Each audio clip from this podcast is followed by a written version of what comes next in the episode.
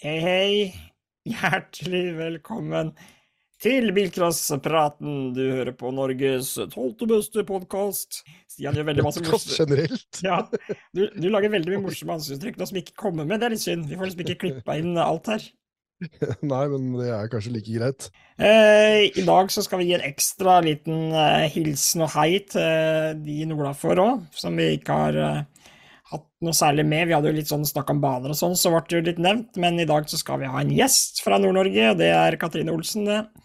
Vinneren fra Damelandsfinalen i 2018 hos uh, NRK Bø. Som du sitter på startplata. Jeg du sitter på startplata. midt i førermøtet, du. På, Ja, med alle damene bak meg, så det her var uh, et veldig bra bilde, Stian. ja, ja, ja. ja, du er mer fornøyd denne gangen. Ja, nå er jeg mye mer fornøyd enn den der snøhaugen du satte meg sist. Det historie. Det har bare snødd enda mer siden den gang, så det hadde vært like relevant med snøbildet nå, men skitt shit heller. Vi får, eh, vi får se framover og glede oss til vår, og Ja, ikke minst damelandsfinale. ja det blir moro. Og du, Stian, du sitter eh, og ser opp mot publikumsplassen på rallebanen, regner jeg med? Det ser nesten ut som det er Woodstock eller noe i bakgrunnen der. Jeg er på rallebanen, jeg, og jeg står nok rett ved siden av Margrethe Sætra og teller runder, tror jeg. ja, Bilene fyker forbi bak her, og det er greit å forbi det da. Ja, ja, ja. Nei, så vi skal jo da ha en prat med Katrine Olsen, og så eh, skal vi ha ukas lytter, som vi jo har kommet godt i gang med, og så skal vi ha topp tre til slutt, og i dag så er det topp tre farlige baner. Oi, oi, oi. Eh, og er der, Stian, der er det du som er helt general, fordi jeg har ikke opplevd så mange farlige baner, men du har eh, greid å kåre en liten topp tre der. Det blir fryktelig artig å høre om, da. Det er ikke noe tvil om at vi må litt tilbake til bilcrossen barndom, da. Vi må, vi må nok en stund tilbake, for heldigvis så har ting blitt bedre der med litt banegodkjenninger og sånn, som kanskje ikke var like eh, strengt og på stell for noen tiår siden. Um, vi kan jo ta litt nyheter, Stian. Det er jo sånn at uh, det er blitt eh, Det skal kåres en ny Bilcross eh, Junior Challenge-vinner. Ehm, det er vel åtte år siden sist det var Bilcross Junior Challenge. Altså alle juniorer fra hele landet kan melde seg på en sånn talentkonkurranse, kan vi kalle det. Mm. Eh, om å ja, både få mye oppmerksomhet, men også liksom en startplass nei, plass i juniorlandsfinalen. En garantert plass der, med start nummer 100. Eh, før så var det vel sånn at du fikk en bil, da. En eh, ferdigrigga bilcrossbil av forskjellige typer. Det var jo mye artige og gromme biler der oppe igjennom. Eh, men den gangen her så er det 30 000 som eh, ligger i potten. Så og jeg syns det er veldig gledelig at har, eh, NBF har kommet tilbake med, med den konkurransen her igjen. Fordi eh, de har jo fått opp noen eh, veldig gode sjåfører via den konkurransen der. Gjør. Det var Morten Rønning i 08, og så var det Jonas Dalsekt Jacobsen i 09, Petter von Seinerkov Olsen i 10, eh, Benjamin Eriksen i 2011, Sander Løhaug i 12, Fredrik Taalesen i 13, Robin Hatting Hansen i 14 og Sølve Østbø da i 2015. Som var den foreløpig siste vinneren av uh, Bilcross Junior Challenge. Nei, det blir spennende. Det skal vel da konkurreres fem stykker som tas ut, tror jeg. Skal gjøre opp seg imellom på Gardermoen. Så jeg har ingenting med den konkurransen å gjøre, hadde heller ikke det tidligere, og syns den konkurransen forsvant litt ut i det blå. Det var, det blei vel dekt på noe TV-mediaprogram eller et eller annet sånt, så i Ja. starten så var jo det liksom det som gjaldt, men, men det feis ut i ingenting etter hvert. Ja, det gjorde det. Du har ikke fått noe svar på hvorfor det forsvant, eller? Nei, det fikk jeg ikke noe svar på, men det har jeg egentlig fått litt svar på av dem som var med i den talentkonkurransen, for jeg tror og som når Dalseth Jacobsen vant, da, så var jo det en ordentlig bra bil, og han er vel også den som gjorde det best i landsfinalen for junior, og fikk vel også den bilen i god tid og sånn, og kunne trene litt og sånn. I hvert fall fikk jeg inntrykk av at det da funka det, men det er jo andre som har vært med og vunnet, som har fått en, en bil som de nesten må bygge opp på nytt igjen. og, og, Ja. og liksom stille med en bil de har prøvd fem runder på en trening, liksom. Og så, og så yes, da skal du ha all fokus på deg. Og, så jeg, jeg var litt imot hele konseptet av den konkurransen, og syns det der var Og i tillegg når det blei gjennomført på en ganske dårlig måte i forhold til at det ikke blei noe særlig oppfølging, og ikke noe særlig Altså, de, de vant en pris og fikk en bil, og vær så god, sett deg i den og vinn. Mm. Eh, det var ikke så veldig mye mer, og da når, når dette her eh, har gått over nå til at de får 30 000 kroner og kanskje kan kjøpe seg en bil eller komme seg på løp, og du får dekt alle de utgiftene det er med, med den konkurransen og det å komme seg på juniorlandsfinalen, mm. så er jo et budsjett på 30 000 ganske greit. Da tror jeg at det er mye bedre. Og hvis de også nå de, jeg syns det er litt rett av forbundet å se framover og ikke bakover, for når jeg spurte om gamle dager, så fikk jeg ikke noe svar på det, og det er jeg egentlig nesten happy for. For se framover og gjør det bedre nå. Og jeg veit at noen av de som har vært eh, tatt ut til det her, eh, har hatt behov for å si ifra om sine opplevelser nå som de er godt voksne og, mm. og kanskje blei kasta litt ut i et eller annet som ikke de fikk den oppfølginga de hadde forventa på, da. Ja, men jeg tror, jeg tror nok det at uh, Spangen også ble årets bilsporttalent i fjor, og at uh, han kom fra bilcross nå, tror jeg kanskje åpna opp øya til NBF enda litt mer, da, om hva slags talenter som finnes i bilcross, som vi kanskje ikke får prøve seg på de store arenaene og i de større klassene. Sånn at uh, det er veldig riktig tenkt å i hvert fall dra i gang Bilcross Junior Challenge igjen, og jeg tror at det å få 30 000 i en spons, eller i pengepremie, eller ja, er en mye bedre løsning enn å få en ferdig bil. For det er som du sa, at jeg husker også at det var mye snakk om der hvor mye kunne trene, og bilen var vel også fritatt fra bud på det løpet. Som også var ganske urettferdig for de andre konkurrentene, fordi det var sikkert litt ymse kvalitet på noen av bilene, men noen av dem var jo fryktelig gromme òg. Ja, ja. sånn at de stilte jo med en fordel sånn sett. Så, så, den måten de gjør det på nå, tror jeg kommer til å funke veldig bra, og kommer til å ha mer fokus på talentsatsing igjen da, i bilcross. Kanskje nå det er en, eh, en tanke bak å mm. finne fram til nye talenter og sånn, for det, her er jo ikke hvem som har gjort det så veldig bra allerede. Her kan jo alle søke, og det oppfordrer vi alle til. For for vi, vi har trua på dette her nå. Og hvis da det blir en ordentlig bra søkermasse, mm. så kan det fort bli at det er en eller annen førsteårsjunior som er helt i startgropa, som blir øh, vinneren av dette her stipendet og, og den startnummer 100 i juniorlandsfinalen. For her er det snakk om hvem som har potensialet, ikke hvem som allerede har masse å vise til. Nei. Så den biten av konkurransen, den heier jeg veldig på.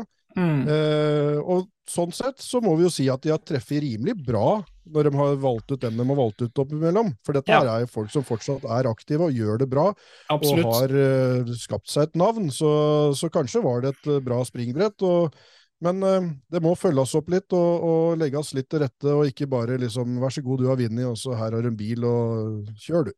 mm. Ja, så må det sies at det har jo vært litt utskiftninger inne på NBF òg, da. og at Atle Gulbrandsen nå som, som, er liksom litt i bresjen for det her, det tror jeg er superbra. da, Og det han har gjort for motorsportinteressen generelt i Norge, med det som har skjedd med Formel 1 og alt det der nå, selv om det er langt ifra bilklasse Formel 1, så, så, øker det interessen for bilsport eh, over hele linja. Og, og, at vi da tar vare på de som holder på med bilcross, og de som kanskje akkurat har starta med bilcross, og ser hva slags talenter finnes der. fordi jeg tror han oppriktig tenker at her er det mulig å finne noe som kan gå fryktelig langt. Så mm. jeg heier uh, veldig på den her uh, challengen yes. her. Jeg tror det blir spennende. Og selvfølgelig, alle må jo forte seg, kaste seg rundt og søke. Det er vel én uke igjen. Du finner vel søknadsskjema inne på bilsport.no. Ja, Søknadsfristen går ut ved midten av tirsdag 27. mars til uka. Ja. Så det er, det er, noen få dager igjen å søke på. Det er en veldig fin helgeaktivitet, det å sette seg ned sammen med noen du stoler på som kan skrive og, og, og sammen med deg og, og se gjennom og, finne ut de beste ordene om seg sjøl, sånn at en får ja. skrevet en god søknad. Og så er jeg helt enig med deg, jeg heier på dette her. og jeg har ikke noe grunn til å betvile intensjonene verken eh, den gangen det starta opp i 2008 og var en veldig bra ting. Peis litt ut. Og så nå, intensjonene er helt sikkert de samme, veldig bra, og håper at de klarer nå å fylle det med litt mer rundt, da. For det er noen som har vunnet dette her, som sier at de ikke hørte noe mer fra ja. forbundet før de møtte opp på morgenen og fikk en bil de ikke hadde prøvd engang. Og det er ikke sånn behandler folk som Nei. får alt søkelys på seg, får mikrofonene opp i fjeset. Og jeg syns rett og slett synd på noen av disse eh, juniorene som den gangen vant dette her og skulle stå der og svare for seg og være liksom ansiktet utad på juniorlandsfinalen, som kanskje var uh, tidlig i karriera med en bil de ikke kjente. Og mm. Start nummer 100 må vi følge skikkelig med på. Stakkars folk, ja. også. Så, så, sånn kan vi ikke gjøre det en gang til. både utblåsing og uh, oppskryt og alt en gang. Men uh, det som er forskjellen nå, Stian, det er at jeg og du sitter som to vaktbikkjer. Så nå er det ingen uh, på NMK eller NBF eller arrangørklubber rundt i landet som kan føle seg trygge. For au, au, vi er rett på, for å si det sånn. Og det var en liten dachs. Hva heter de der En fullvoksen rottweiler som sitter der og bjeffer, er det ikke det? Nei, det er chihuahua. Chihuahua, ja. det er meg.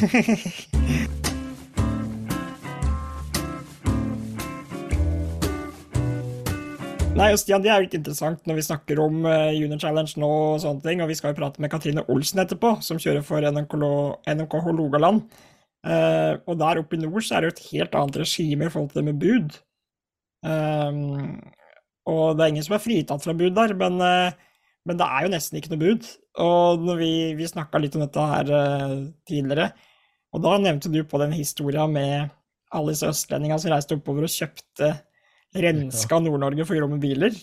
Jeg kom på den historien da jeg gikk gjennom bilder eh, fra eh, Sigdal. Um, og det er faktisk fem siden det skjedde, i 2008. For da, da var det en hel haug med biler den sesongen, også på Sigdal, da, eh, med 'From Lofoten with love', sto det på.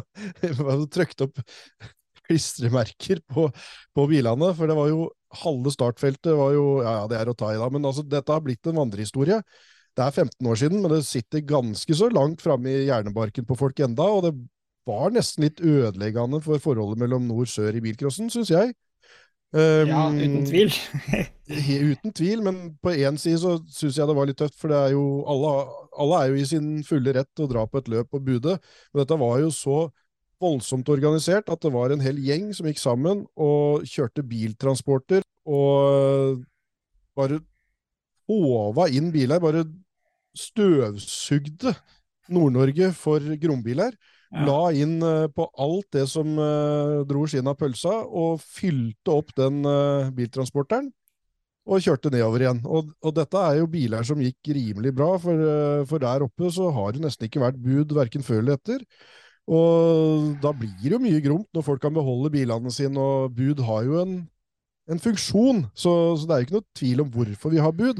Det Nei. blir rallycrossbiler til slutt hvis du beholder bilen og kan koste på litt her og koste på litt der og grommer og grommer og grommer, og ingen kjøper bilen. Så mm. de kom tilbake nedover. Kom tilbake til, til hjemmebanene her rundt på sentrale Østlandet og hadde en hel uh, biltransporter full av biler de kunne ta. Så, og jeg ja. veit ikke om det ble flere turer, men, men, dette har blitt en sånn vandrehistorie som bare har vokst seg veldig, veldig svær. og jeg har hørt mange versjoner av den, og, men dem som faktisk var med på den turen, da, dem er vel ikke så aktive lenger, tror jeg. Eh, så det er vel en stund siden dem ga seg sånn med full fart, eh, både team ja. og, og, klubb. Ja, for jeg prøver å komme på hvem det er, men jeg, jeg, tror, jeg tror, jeg, vet det. ja, Uten å nevne navn, som du sier, og så bare ja. ramsa vi opp hele gjengen. Men, ja, eh, nei, men ja. Nei, så Jeg veit ikke om det er flere gjenger som har gjort det, om det er flere tilfeller, men jeg husker i hvert fall spesielt den første gangen det skjedde. Og jeg har også hørt historier om at de har sniket seg opp og parkert litt uh, vekk liksom i nærmeste sentrum og, og, tatt andre biler bort og liksom sånn. Men hva som stemmer av det her, det hadde vært litt gøy å visst. For det er som sagt 15 år siden, og det, det er sånn vandrehistorie som praten går om enda, altså. Ja, ja, jeg husker jo jeg, Altså, jeg tror nok du har rett i at det delte litt uh, Bilcross-Norge mellom nord og sør, men uh, jeg hadde også en inntrykk av at det delte veldig bilcrossmiljø her uh, på Østlandet, og også da jeg var blant de som Jeg syns personlig at det var jævlig dårlig gjort, skal jeg være helt ærlig. Jeg syns det Altså, ja, man har lov til å reise opp dit og bude, og sånn sett så er det ikke noe gærent i det, men at at vi skal påstå at dem har et problem med at de har gromme biler oppi der og sånne ting, det må de finne ut av sjøl. Og hvis de syns det nivået liksom er skeivfordelt, så må det være noe uh, Det er ikke vi som skal reise opp dit og uh, ordne opp ideen. Hvis de lever i harmoni og kjører bilklasse og har det gøy i Nord-Norge. Så jeg syns det var uh, Ja, jeg syns det var litt over grensa, men det har blitt mye gode historier av det, og jeg har hørt også mye jeg tror ikke det falt i veldig god jord heller. Jeg tror ikke det var Alle følte seg ikke like trygge når de var i depot eller rundt i i bygdene og byene rundt oppi der eller har jeg hørt rykter om, så de slo nok litt tilbake. De kan jo det å si fra òg, noen nordlendinger, da, så Ja, ja. de har jo noen ord og uttrykk som, eh, som eh, De klarer å uttrykke seg i klartekst.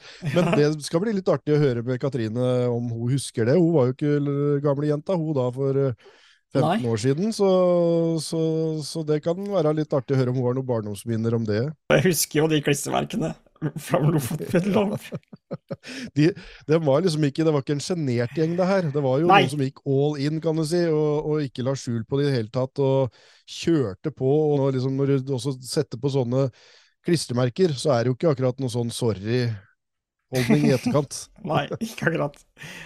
Nei, men det, det skjer mye det, Men det er, det er, gøy da at det skjer sånne ting som snakkes om i bilcrossen lenge etterpå. Og så får man være enig eller uenig om det var eh, jævlig dårlig gjort, eller om det var gøy, eller hva det var. Men eh, alle har nok sin mening om det. Alle har sin mening. Men det som var litt, da, var vel at jeg fikk inntrykk av at det, det la bilcrossmiljøet i Nord-Norge litt igjen med litt uh, Om ikke brekt rygg, så var det i hvert fall Det halta litt ei stund før det kom liksom opp og nikka igjen. For det er klart det at hvis Eh, vi som er vant med at det forsvinner biler på bud, og det er et omløp, der forsvant jo alle ut av mm. landsdelen. Ja. Det var ikke sånn at de kunne dra og bude på disse bilene neste gang. Så det er jo litt sånn her Tenk hvor mange uskrevne regler det har vært opp igjennom i, ja. i uh, tida.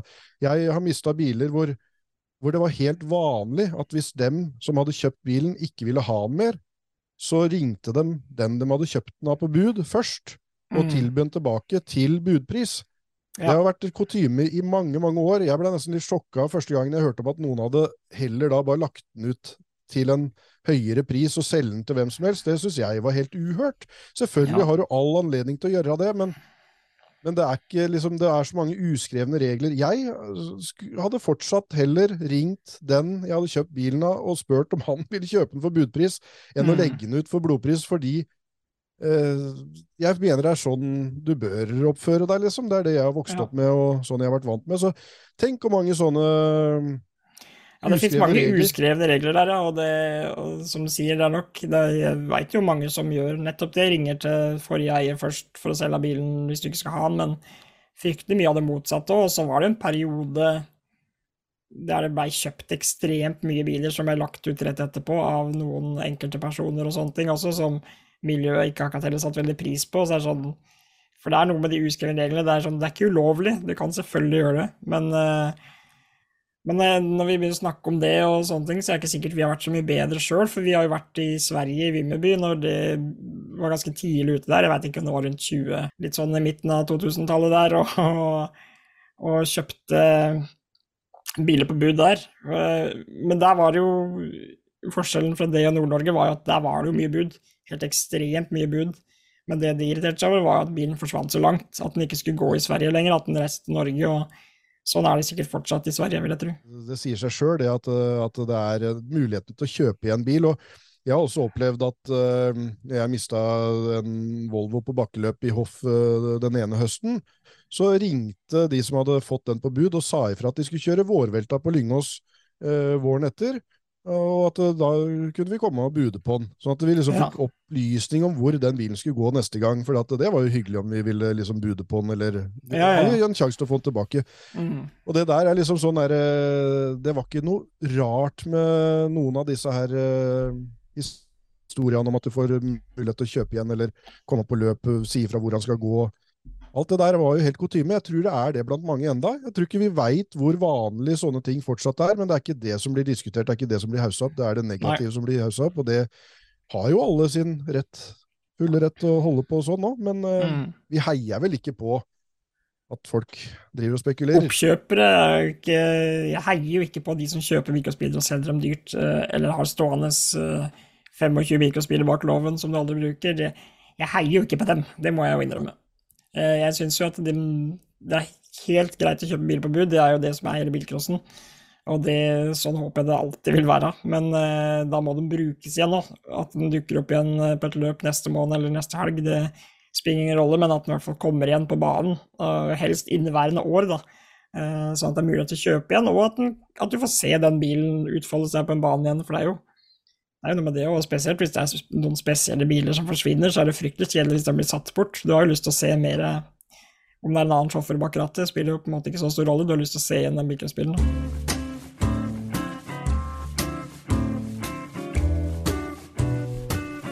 Nei, men Skal vi ta en liten prat med Katrine Olsen, da? Da gjør vi det. Ja. Sånn, Der, vet du. fikk det til. Velkommen, Katrine Olsen.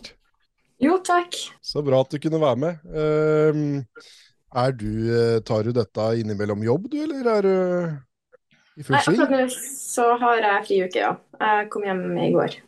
Ja. Hva er det du Ja. jobber med til vanlig, da? Nei, du, jeg er flyvertinne. Ja. Og Klarer du å kombinere det med litt eh, bilcross, da? Sjøl om det er litt eh, rare arbeidstider der, sikkert, i den businessen der? Det er veldig rare arbeidstider, så jeg prøver jo det jeg kan. Men det er jo ikke så veldig lett. Men åssen kom du deg inn i denne bilcrossen, da? Hva er det som gjorde at du ble bitt av den basillen, og til slutt sto på toppen i landsfinalen for damer for eh, fem år siden? Ja. Eh, Det starta vel med det at faren min eh, begynte å kjøre før jeg ble født. Så jeg vet ikke om noe annet sport enn bilcross. Nei, jeg har hørt det fins noen andre, men det, det, det er ikke så morsomt. Nei, helt rett. Nei da. Så han har jo vært da, en som har fulgt meg hele tida. Han ga seg da jeg begynte å kjøre. Og ja. Det er grunnen til at jeg var med og kjørte landsfinale. Uten han så hadde jeg aldri kunnet få ned. Men hadde du kjørt mye bilcross før du kjørte damelandsfinalen i 2018, eller? Ja, jeg begynte jo eh, å kjøre trening hva det var da, 15 år. Eh, og så kjørte jeg junior eh, og dameklassen. Og så for jeg jo da ned og kjørte damelandsfinalen. Det aller største du har opplevd, må jo være den landsfinalen, den seieren der, sikkert? Det er definitivt. Jeg skulle jo bare ned og se hvordan jeg lå an eh, i forhold til resten av kvinnfolkene i landet. Det var jo en del kvinnfolk her oppe i nord som har vært og prøvd å kjøre der nede og ikke kommet seg til finale. Eh, Så det at man kom eh, først over målstreken, eh, det hadde jeg ikke trodd når jeg reiste nedover, for å si det sånn. Ja, det var så rått. Og jeg, jeg fulgte med live, men jeg var, altså, jeg var ikke der. Men jeg satt og fulgte med på, på nettet hele dagen da, og hadde jo flere venninner som kjørte der og sånn. Og den kjøringa di den dagen, det var jo helt rått å se på. Takk. Så, og du hadde aldri kjørt eh, du, du var ikke der og trena på banen eller noe først, så Eller var Nei, det aldri, aldri kjørt en Så første starten var liksom første runden var med bil? Ja, vi, vi trente jo på fredagen, da. Det var jo Ja, ja, trening. Det var De første to rundene. Ja, ja, første gang. Så, Nei, det er tøft. Jeg veit jo om ganske mange av de damene som var og kjørte på rallebanen rimelig mye før den landsfinalen. Nei, jeg hadde jo ikke prøvd bilen heller så veldig mye. Den ble jo kjøpt eh, på bud sørpå. Eh, Så jeg tok satt på på flyet og for nedover og kjørte til rallebanen og ja. Skulle kjøre landsfinale. Du var på en topp, eh, toppkåring her. eh, Vi har rekket noen topp tre-kåringer her, og da var du på den eh, Jeg mener vi har nevnt deg i, i forbindelse med sånn gledesscener i forbindelse med seier. Um, det, fordi at du, det så jo ut som Jeg visste ikke hva jeg møtte når jeg stakk kameraet inn i bilen din etter den seieren, for det kunne jo vært sånn Ja, ja, det gikk jo greit, for du var jo egentlig ikke trua noen gang. Det var fire strake iseiere rett i A-finalen og leda den fra start til mål. Og det kunne jo vært sånn, ja ja, grei skuring, men det var det var absolutt ikke. Det var eh, et av de råeste seiersintervjua jeg har vært utfor, hvor det var bare hulk og skrik og tårer, og, og du skjalv og var helt ute av deg, egentlig. Ja. eh, Det intervjuet der blir jeg så flau hver gang det dukker opp overalt. Eh, Nei, jeg klarte jo egentlig ikke å komme meg ut av bilen, for det var så mye adrenalin. Det å skjønne hva man egentlig har vært med på, det at man var Norges beste kvinnfolk akkurat der og da, det, det var helt sykt.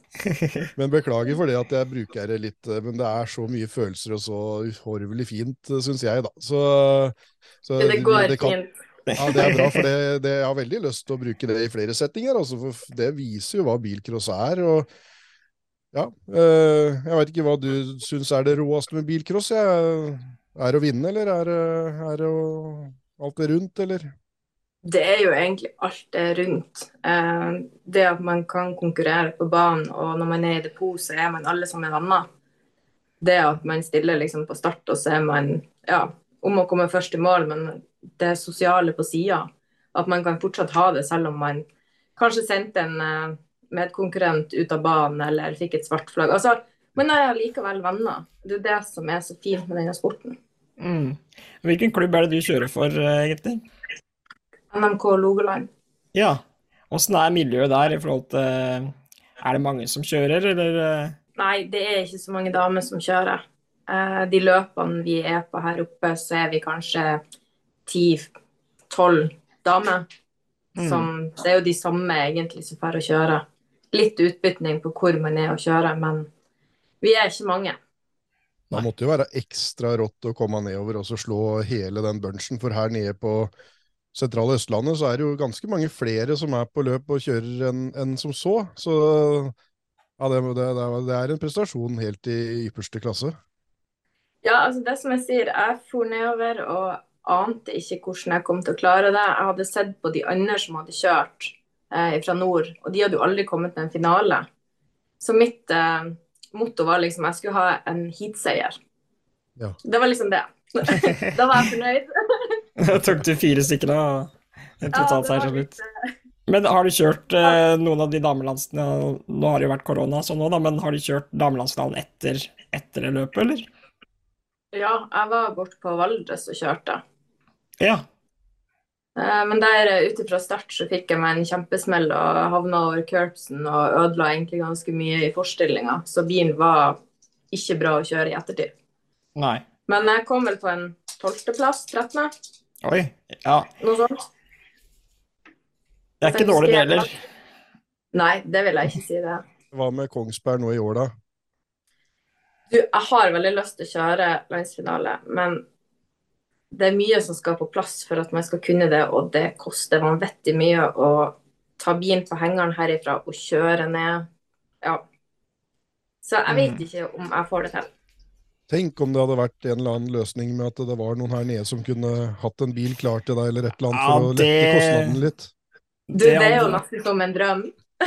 Ja, steike Stian, nå, vi har jo fått ting til å skje før i denne poden her, så nå må vi bare oppfordre alle sammen. Ja. Vi hadde i hvert fall blitt veldig glad for å se deg uh, nede på damelandslaget på Kongsberg.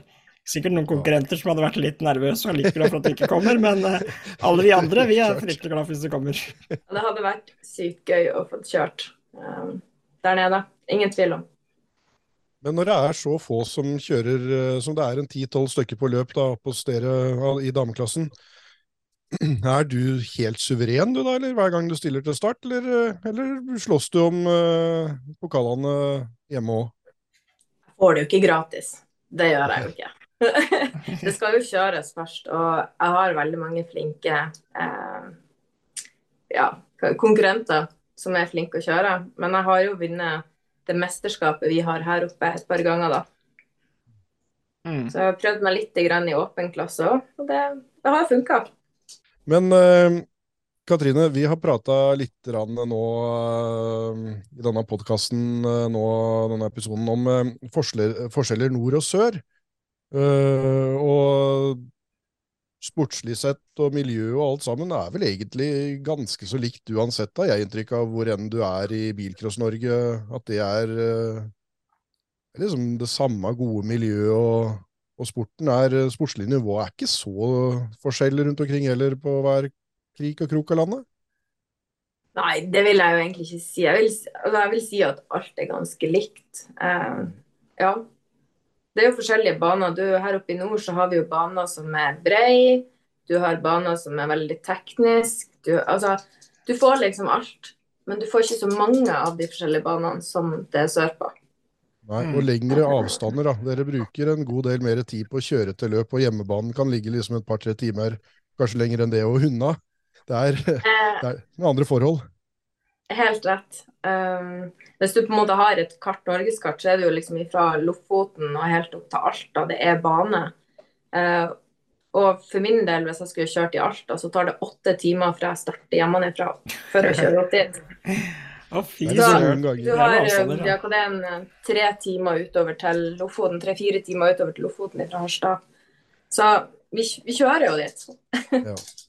Og det er liksom når du, egentlig den banen som ligger midt i landet, det er eh, Råbakkan i Nord-Trøndelag uh, utafor Namsos. Da er du midt i landet, liksom. Da har du kjørt halvveis hvis du har starta i Lindesnes og skal til Kirkenes.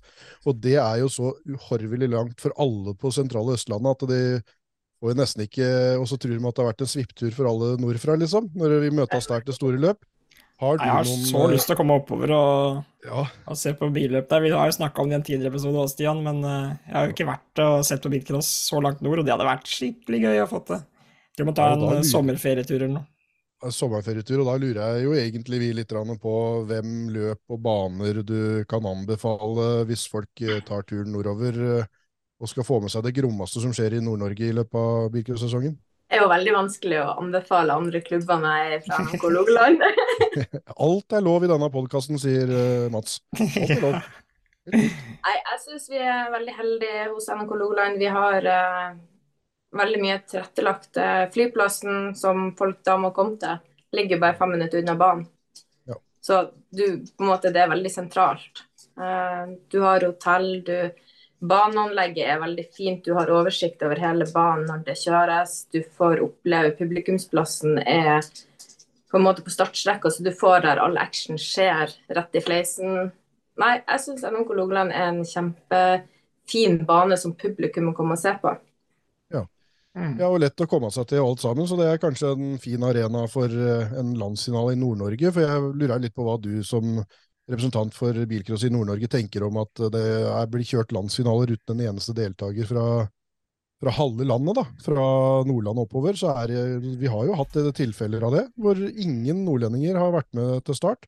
Og så kaller vi det landsfinale. Jeg vet ikke Det er lenge siden det har vært noe arrangement lenger nord òg, eh, av disse landsfinaleløpa. Altså, vi må jo bare stikke fingeren i jorda og innse at uh, Norge er delt i to når det kommer til denne sporten. Eh, det er dyrt for meg å ferde sørover, og skulle folk sørfra komme nordover, det hadde jo òg vært kjempedyrt. Så en landsfinale nordpå Hvis det skjer, så det er et mirakel. Uh, men jeg syns absolutt at en landsfinale kunne kanskje vært i Trondheim. Uh, for vi nordlendinger hiver oss fort i bilen for å kjøre til Trondheim på løp. Ja. Mm. men husker du, husker du den der historien som egentlig delte Bilcross-Norge skikkelig i to med, da det kom en uh, delegasjon oppover og støvsugde Nord-Norge for uh, grombiler. med jo, biltransport. Det. ja, det gjør det? Ja, det var, det var, grusomt når de kom med sånn eh, biltransport og bare plukka med seg. Nei. Ja, fy fader. Det var ja. Men du husker det som lita jente da, den gang, da, eller? Ja, jeg gjorde det. Jeg husker liksom den store bilen som kom, og det var liksom, de la ikke skjul på det heller. Det var sånn som det var sørpå. Du går på bilen på Panstad og skriver nummeret. Eh, her oppe under bud så holder du jo egentlig Det er veldig tett på hvilken bil du har bydd på. ja. Hvor mange så, bud kan det være på et vanlig løp i Nord-Norge nå disse sesongene her? Du, jeg vet ikke hvor mange bud, sånn inkludert egenbud, men biler som er på bud, er vel en tre-fire stykker. Ja. Det, det, er, veldig stor forskjell mellom nord og sør. Yes, ja. En helt annen verden uh, til de grader. Nei, altså det som jeg sier, det er, det er noe helt annet her oppe. Det, det, går liksom ikke an å beskrive heller, sånn som for de som kjører her oppe, hvordan det var på landsfinalen med alle de budene. Uh, du kommer liksom og skal være på den budgreia og forventer liksom at ja, ti minutter, så er vi ferdig. Og folk begynte med campingstoler. Jeg tenkte hva er vi holdt på med her? Så nei, det var, det var sjokk for min del da jeg første gang var på et sånt løp sørpå der det var mye bud. For det var jo ikke jeg vant til. Nei, det var vel et løp eller to i fjor der de pakka sammen var det klokka halv ett på natta eller noe sånt, og da hadde de sikkert begynt med bud klokka jeg vet ikke, åtte. Det er helt sjukt. Tenk om vi kunne fått en sånn gyllen middelvei, der uh, Nord-Norge og Sør-Norge hadde møttes på halvveien, og så hadde vi fått uh, helt uh, fornuftig mengde med bud. Og at ikke det som tar lengst tid på et løp, er buda. For det er, rett og slett litt tragisk, sånn som det har blitt her sørpå. Og så er det jo kanskje litt sunt også at det er noen bud, da, sånn for sporten sin del. Er mer enn det det kanskje er nordpå. Så ja. Jo, altså det er jeg enig i at det er veldig sunt med det her med bud. At ikke du skal på en måte bruke så mye penger i den bilen og ja, som du sier, ikke være redd for å miste den. Men jeg syns jo det har tatt helt av sørpå. Det er ikke bra, egentlig. Nei, det, det er jo på grensa til ødeleggende for bilcross nå, tror jeg. Og fjorårssesongen tror jeg var liksom helt sånn uh, Hvor mye vi kunne tolerere innen bud, og hvor mye det mye fokus de hadde. Så nå har vel NBF prøvd seg med noe nytt i år, da. At man kan legge inn hva er det, bud på to biler per person, eller Ja, det blir veldig spennende å se. Jeg håper jo det, egentlig. For mm. bilcrossen sin del. mm. For da blir jo plutselig hele greia, altså det som er gøy å holde på med, borte fordi at man har ikke råd. Alt annet i verden går opp i priser og ja. Men budpodden, den får vi ta en annen dag, siden. Ja. Fordi er det ja. noe som går an å snakke om i, i ti episoder, så er det buding. Og der er det mange meninger. Uff, nei. Jeg vil fokusere litt mer på det sportslige, og så stappe kameraet inn i biler eh, sånn som til Katrine. For, for det er det som er bilcrossen. Det er eh, jubel og finn og forsvinn og, og ha det gøy. Mm. Er det like moro nå som den gangen du starta opp, eh, Katrine?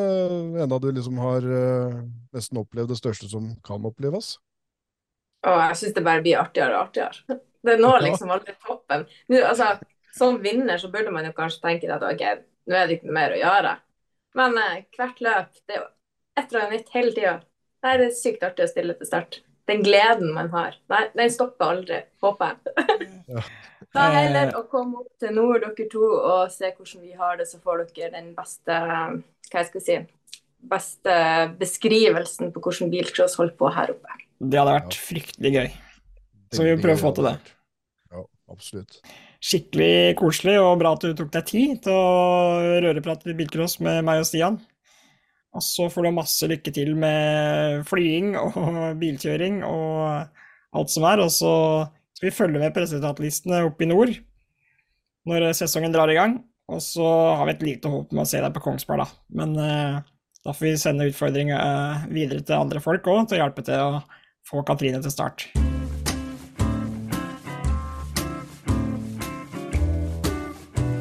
Eh, Stian, du har en ukas lytter nå.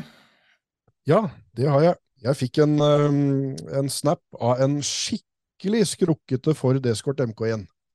En sånn ordentlig sånn, sånn ordentlig ruglete, liksom. Ordentlig skrukkete, liksom. Ja, og med vinduer som bare ja, det sånn glugger. Sånn som det er på Det er jo ikke akkurat svære vindusflatene på en MK1-er til vanlig, men, uh, men der er det Ja, nei, den var Jeg skal legge ut et bilde av den for å, så folk får se hvor heftig den er. Og den blei jo delt videre på, på storyen til Bilcross-snappen.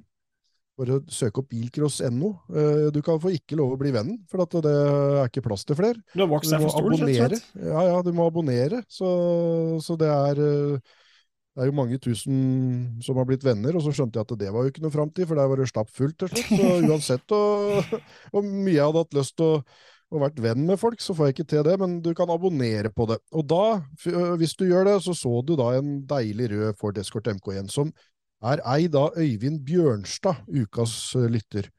Han er 22 år gammel. Han, øh, han øh, har hele tida drømt om å kjøre bilcross og skal debutere nå på Vinjarmoen, det vårløpet til, NRK Flyberg på Dokka. Eh, han har gifta seg til det, holdt jeg på å si. Han eh, har en kjæreste med en pappa, altså svigerfaren hans er Arne Vegard Sløtte, som jeg skjønte at, eh, at jeg har eh, digitalisert noen filmer av tidligere, som han kjører Escort MK1. Ja, Tidligere bilcrossstier.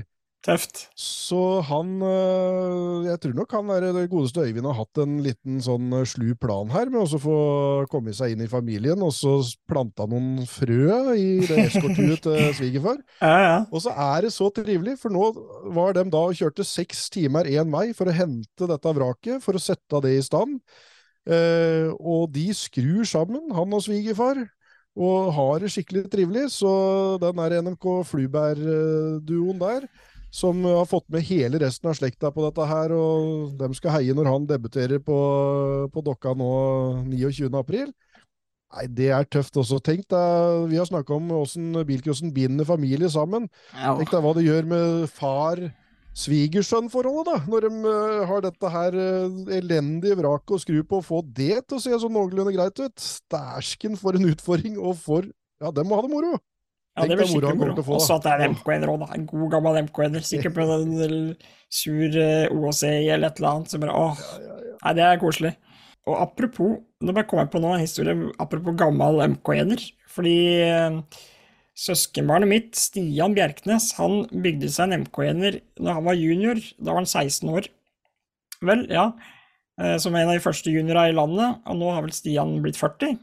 Han har fortsatt den MK1-eren fortsatt. Og har kjørt ikke så mye de siste åra, men det er ikke så mange år siden han gikk et klubbløp på Roppemoen og kjørte landsfinalen med den på Aremark, husker jeg, og den har vært på flere landsfinaler og aldri gjort noe særlig med Ikke aldri sånn ordentlig trimma, men han er jo klin gæren til å kjøre bil, så den MK1-eren har han fortsatt, og den er Nei, også i samme skrukkefillelandskap, kan du trygt si.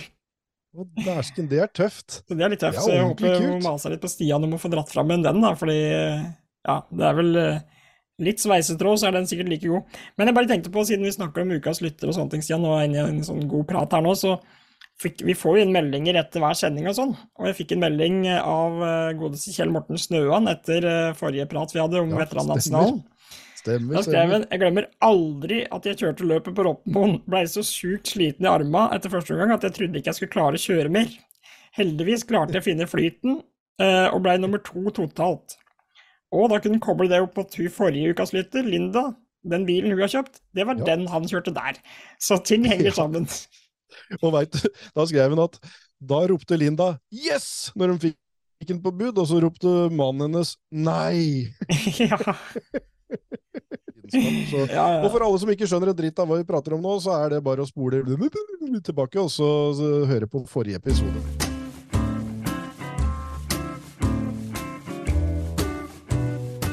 Det er faktisk eh, over eh, Ja, nå når vi slipper den her, så blir det sikkert over 7000 nå, men i hvert fall godt over 6000 6500 eller noe sånt nå, avspillinger, da. ja, det er ikke verst, altså. praten. Ja, og det er jo bare på YouTube, og jeg veit at folk samler seg for å se sammen og sånt òg, så en kan vri og vende dette på alle mulige vis, men at det er noen som eh, får med seg den der vår, det er i hvert fall helt sikkert, og det er jo artig, da. Så Ja. heng med dem som vil. Absolutt. Mamma hun jobber som fotterapeut og kunne fortelle noe hun meg. at kunne ikke si navnet på pasienten, men den pasienten kunne fortelle at den hørte på alt som var av bikrosspraten. Så det var en eller annen, en annen her fra bygda, så det var Vi når, vi når langt, Stian. Eh, vi skal over i, på topp tre, Stian, og i dag så er det du som er helt general på topp tre-en, fordi Yes. dette skal jeg ikke legge meg borti, jeg bare gleder meg til å høre, fordi vi har nemlig topp tre farlige baner. Mhm. Det var fanfaren for farlige baner. Da man skjeler Jævla hvilken farlig bane! bane. Det er jækla synd at ikke vi har flere farlige baner, for den, den fanfara ville jeg gjerne hørt. eh, Funker den til andre topp tre-kåring her òg, eller er det bare farlige baner? Vi må nesten baner? teste neste gang, da. Ja. Ok, nok om meg. Stian, topp tre farlige baner. Kjør, mister. Yes, yes. Jeg begynner fra toppen, jeg. Begynner på den farligste først. Ok, Siden jeg er helt, uh, siden du sier alt er lov i Ja, Bilkenspraten, i dag og jeg er helt sjef, så, så, så begynner jeg helt på, på feil ende. Det er ikke noe bygge opp noe momentum i det hele tatt. Jeg begynner på den verste, og det var Halden. En, en, en bane i et grustak utafor Halden som uh, de bare kjører i det grustaket, hvor det står maskiner, og det er eh, fortsatt uh, gravd høl, og de kjører rundt noe uh, sånne mm, ja, sånne stillas, holdt jeg på å si, sånne maskiner hvor de putter grus ned og knuser, og, og det er noen stokker som er lagt der, sånn at det for syns skyld så ikke de skal tippe ned i et vann. Jøsse Uh, Eh, og, de, og, de og det går så fort, for de kjører bare Og så står det folk og ser på overalt, og folk har parkert bilene sine, og det er akkurat som det er helt vilt at det bare Ja, skal vi kjøre løp her? Ja, det gjør vi. Og så, og så kjører de innimellom folk og maskiner, og, og på kanten av et vann. Så at de holder på å dette uti dette her vannet òg, da. Og det er vel ratt herregud. Oslofjorden. Når, eh, når var dette her? Det er, jeg mener det er i 4 eller 85, eh, midten av 80-tallet en gang. Og til og med så er det et intervju uh, der uh, løpslederen skal oppsummere, og så sier han at uh, et eller annet som at ja, det gikk jo bra, og folk var fornøyde og greier, og sånn, men banen var kanskje litt vel farlig. Ja, De, liksom, de skjønte det til og med sjøl den gangen, at Dette her var helt absurd vilt, og det var um, et eller annet slags Dette sier Endre Lie er det som har lånt meg den filmen som jeg har digitalisert. Og um, han sa at dette var et av de første sånn store løp. Dette var jo før landsfinalen kom og alt sammen. Mm. Så dette var av de, en av de første gangene de samla sammen de grommeste og inviterte spesielt de råeste sjåførene. For å kjøre på den banen der? Yes, og, Så det var et helt sinnssykt rått startfelt. Og så var det en helt forbanna rå bane som var livsfarlig hvor de rulla Marlov Hjørnerud er jo en som kjører der og, og, og ruller langt inn mellom noen maskiner og, og tømmerstokker og, svære kampesteiner. Og setter seg opp på bilen og tar seg en uh, sigar etterpå for å roe nervene. Og, det er liksom, det er ikke noe orden på noe. Det er, uh, det er en bil som raser ut blant noe publikum, virker det som. Og, nei, det, At det ikke skjedde, noen noen ulykker, veit du om? Nei, eller ble det bare ikke rapportert? Om, nok en gang så har jeg liksom med det Jeg er jo nerd, det er jo ikke noe tvil. Så jeg har da søkt i Nasjonalbiblioteket på aviser og sånn om det var rapportert noe. Men ingenting. Jeg tror det gikk fint. Det var helt uh, perfekt, det. Mulig ja. det gikk med en skjerm eller en støtfanger på noen privatbiler, og, og, at det var litt å rydde opp i før de kunne begynne med ordinær drift mandagsmorgen, med at det var litt bulka noe, noe maskiner og hang litt på halv tolv, sånn her knuseverk og sånn. Men uh, ellers jeg tror det gikk helt fint, jeg. Ja. Fy søren. Ja. Nei, det er sjukt. Åssen kan uh, Fins det noen i nærheten av det her, egentlig? Ja, det gjør det. For at neste har også vann på lista. Men jeg skal bare si det at når jeg nevner dette her for gamle helter, så husker de det her. Dette er også et eller annet som bare ligger i bakhodet. Ja. Dette var så gærent og vilt at det, det er også blitt en sånn vandrehistorie. Så hvor mye som er sant av det ville det veit jeg ikke, men filmen ligger ute på birkus.no-arkivet. Alle kan se hele det løpet og vurdere sjøl om de syns dette her var innafor. Som sagt, neste på lista nummer to, det er også vann. Eh, det er vel kanskje ikke så vill bane, for der gikk det ikke så særlig fort, og det gikk heller veldig sakte, for det var verdens mest knotete bane. Det har aldri vært så knotete og kort bilcrossbane noe annet sted noensinne, tror jeg. Det var den banen på Notodden som vi har vært innom så vidt litt før, som uh, eksisterte fram til 97, 96, 97. Ja. Der kjørte de uh, nå, hvis du skal kjøre en rallyetappe, da, for eksempel, eller bakkeløp eller et eller annet ved siden av et vann, der også er uh, faktoren vann. Da må du ha dykkere på plass, og du må ha liksom hele, hele opplegget på stell. For mm. hvis noen skal tippe ut i vannet, så skal noen kunne duppe nedi der og så hente ut disse folka. Men her kjørte du egentlig eh, ganske store deler av traseen helt på kanten av uh, den innsjøen uh, i Notodden. Ja. du, du, var egentlig Du fikk deg et ferskvannsbad hvis du, hvis du var litt uheldig med åssen du tok svingen. Herregud. Det er min største skrekk å dette ut i et vann med, når du sitter fast i en bil med bur og belter og alt på. Du, du, har jo nesten ikke kjangs til å Nei, så det var, men der var det ingen Ingen forholdsregler i forhold til det, var ikke noe problem det. Der kjørte dem, og traseen eh, lå liksom Du, du sladda så det spruta grus ut i vannkanten. Så den mener jeg kan ha en fin plass på denne lista, i hvert fall i forhold til hvordan du veit hva slags eh, tiltak som blir satt i gang i dag, hvis du skal være i nærheten av noe som ligner på en, en, en bølgeskvulp. Ja. Så, mm, og så nummer tre på lista det er eh, gode, gamle Hovlandbanen, hvor det var løp fram til 2003. Så det er 20 år siden den, det siste løpet gikk der. Det var den første banen som gikk skikkelig fort. Først så kjørte de rundt noen stabber og noe greier, og noe sånn inn på markedsplassen der Vestfoldmessa og sånn var. Ja. Men når du begynte å ta i bruk hele Hovlandbanen, så var det skikkelig kult, og det var den første banen hvor det gikk ordentlig fort. Men de hadde jo egentlig ikke noe erfaring med, med, det den gangen at du gira tredje og fjerde gir liksom, bortover en langslett og inn i en lang grusving. Eh, så det gikk helt fint ei god stund, det. Helt til det begynte også å skje litt, da, når det først da gikk en sånn bil kast i kast den gangen med litt sånn uh, pappur og, ja. og, og, en uh, stol som var sveisa sammen fire-fem ganger allerede. Som, det, var, det var altså så mye lørjete sikkerhetsutstyr. Så, så da tenkte de at og det var ikke da den banen var farlig. Det er ikke derfor han er på den lista. Det er når de da tenkte at vi må få ned farta.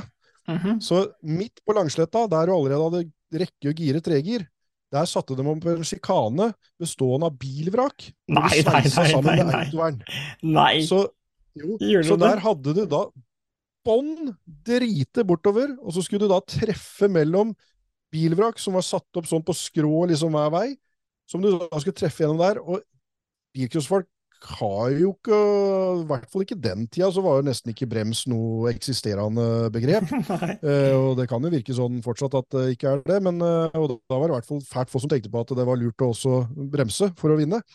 Eh, så der gikk det altså så mye kragebein og rygger, og, og det var biler som var trøkt inn til ja, eh, på den banen så kjørte faderen en NSU som gikk gjennom hele bilen. Da gikk autovernet bare gjennom hele bilen. Herregud.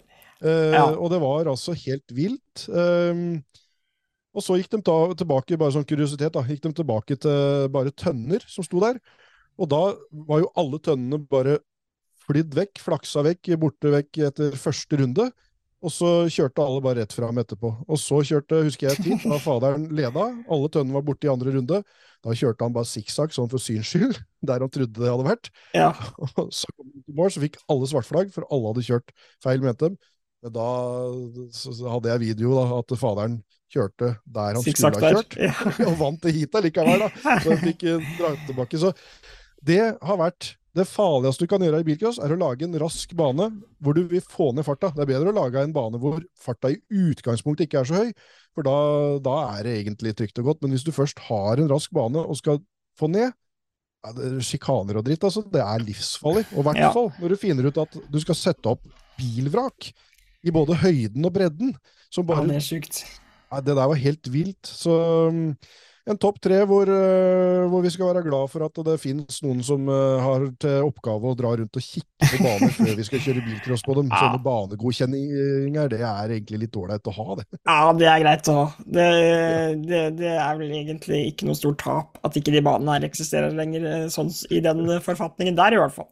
Nei, men det var en, eh, det var en interessant topp tre, Stian, og artig for meg å høre om. Jeg føler jeg lærer noe nytt av deg hver gang vi har et sånt bilcrossprat. jeg. Ja, nei, det er enda godt at en gammel mann kan få dele litt av alt det en kan om bilcross, for at det, det er ikke så i de helsike mange som er interessert når jeg først får vann på mølla og skal prate og mimre og surre om alt det her greiene her, så det er jaggu godt at en får utløp for et sted, da. Ja, men Så her skal vi rundt- bare om masse, Ja. masse, masse bilcrossnerding. Der blir uh, bilcross-nerdepraten, blir det nå. Ja, det er allerede bilcrossnerdepraten her. Ja, det er det. Og det, er det. det er ca. 1000 stykker hver uke som syns det er moro å høre på, så vi er ikke aleine med å nerde bilcross i landet her, i hvert fall. Det er noe helt sikkert. Nei da. Men um, da skal vi vel nerde litt mer neste uke òg, da, kanskje? Det skal vi. Det var en eh, fin sending, det her. Og følg med, kommenter og send oss meldinger. Det setter vi kjempepris på. Ja, det er tøft. Veldig Ja. morsomt å få tilbakemeldinger. Så vi bilcrossprates. Vi gjør det. Vi prates.